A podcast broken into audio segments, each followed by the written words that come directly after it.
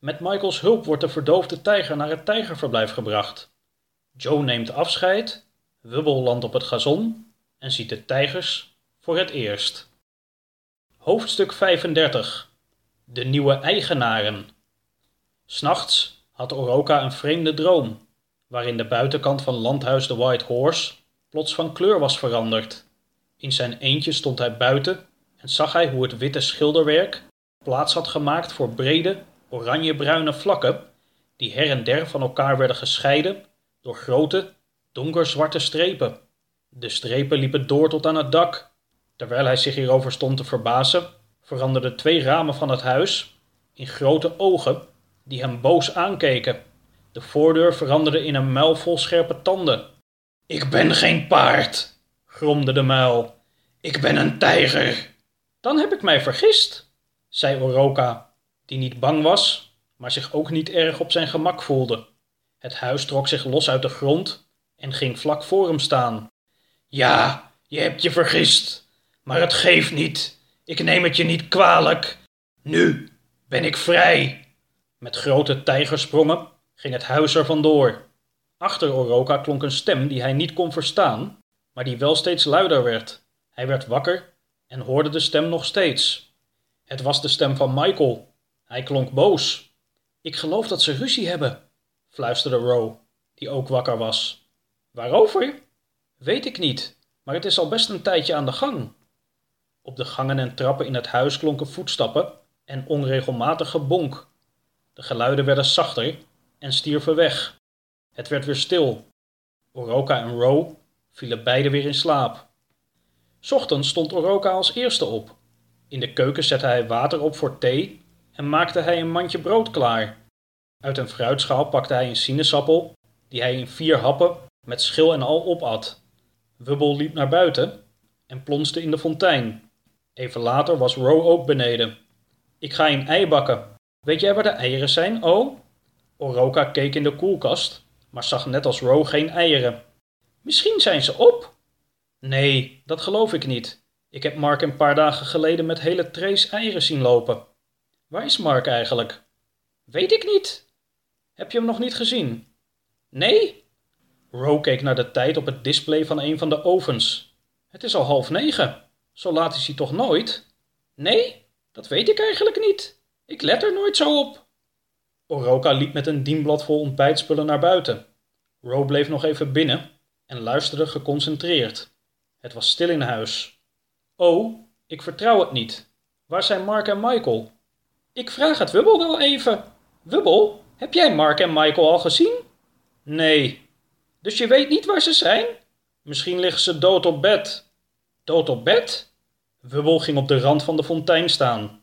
Ja, mensen gaan ook dood. En zeker nu, met dat virus. Wubbel weet het ook niet, Ro. Oroka nam een hap brood. Denk je dat er iets gebeurd is? Ik vind het gewoon vreemd.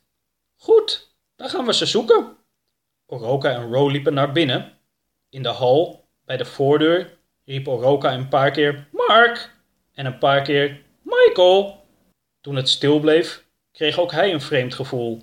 Samen met Ro liep hij naar boven, waar ze allebei nog een paar keer riepen, maar wederom geen reactie kregen. Ro klopte op de deur van de slaapkamer van Mark en Michael. Voorzichtig deed ze de deur open. In de kamer stond een groot hemelbed dat keurig was opgemaakt. Van Mark en Michael ontbrak ieder spoor. Terwijl Ro en Oroka de kamer onderzochten, klonk beneden in het huis plots het gekwaak van Wubbel. Hij zegt dat hij iets gevonden heeft. Onderaan de trap, bij de voordeur, stond de eend met in zijn snavel een grote, gele envelop. Oroka maakte de envelop open. Een brief van Michael. Hij begon hardop voor te lezen. Lieve Oroka, Ro en Wubbel. Zoals jullie vast wel is opgevallen, heeft het nieuws rondom het coronavirus de laatste dagen een grote invloed op Marks gemoedstoestand. Hij maakt zich grote zorgen over zijn en mijn gezondheid. De laatste nachten heeft hij nauwelijks geslapen en overdag, nou ja, jullie hebben zelf gezien hoe het virus hem bezighoudt. Zoveel spanningen en emoties, zoveel veranderingen, wapens, tijgers, borden op het hek. Vannacht werd het hem plots allemaal te veel. Huilen, huilen, Verdriet, verwarring, het moest er allemaal uit. Een tijd lang was hij ontroostbaar en konden mijn woorden hem niet kalmeren, tot hij plots zijn tranen droogde en hij naar de wereldkaart liep die op onze slaapkamer aan de muur hangt. Om een verder lang verhaal kort te maken, en geloof me, het heeft nog flink wat discussie gegeven, maar uiteindelijk, waar het op neerkomt is, we zijn vertrokken. Vanmorgen vroeg, naar het vliegveld. Onze bestemming is Nieuw-Zeeland. Daar zullen wij de komende tijd, in ieder geval zolang als nodig is, bij vrienden in een schuilbunker verblijven. Zolang als wij weg zijn, kunnen jullie in de White Horse blijven. Ik heb in deze envelop een sleutelbos gedaan, waar alle belangrijke sleutels van het huis aan zitten. Ook de beveiligingscode van het huis heb ik bijgevoegd, evenals 1500 dollar, die jullie vrij kunnen besteden. Mochten jullie besluiten weg te gaan, willen jullie dan in ieder geval alle ramen en deuren goed afsluiten? De sleutels kunnen jullie bij jullie houden of ergens ver weg in een rivier of meer gooien, als ze maar niet in verkeerde handen vallen. Let goed op jullie zelf. Hartelijke groet, ook namens Mark, Michael. Ik denk dat ik morgen ook zo'n briefje voor jullie achter ga laten, kwaakte Wubbel. Lieve Oroka en Ro, ik heb vleugels en ben lekker weggevlogen. Groetjes, Wubbel. We moeten maar even goed nadenken over wat we nu gaan doen. We kunnen dus hier blijven, maar we kunnen ook verder reizen. Verder reizen?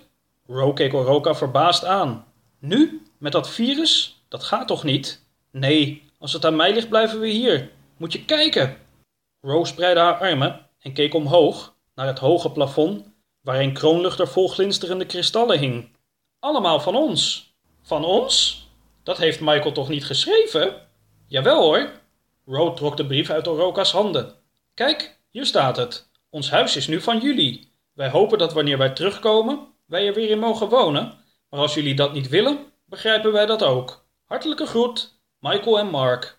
Ro heeft gelijk, kwaakte Wubbel, terwijl Oroka de brief nog eens bekeek. Dit huis is nu van ons.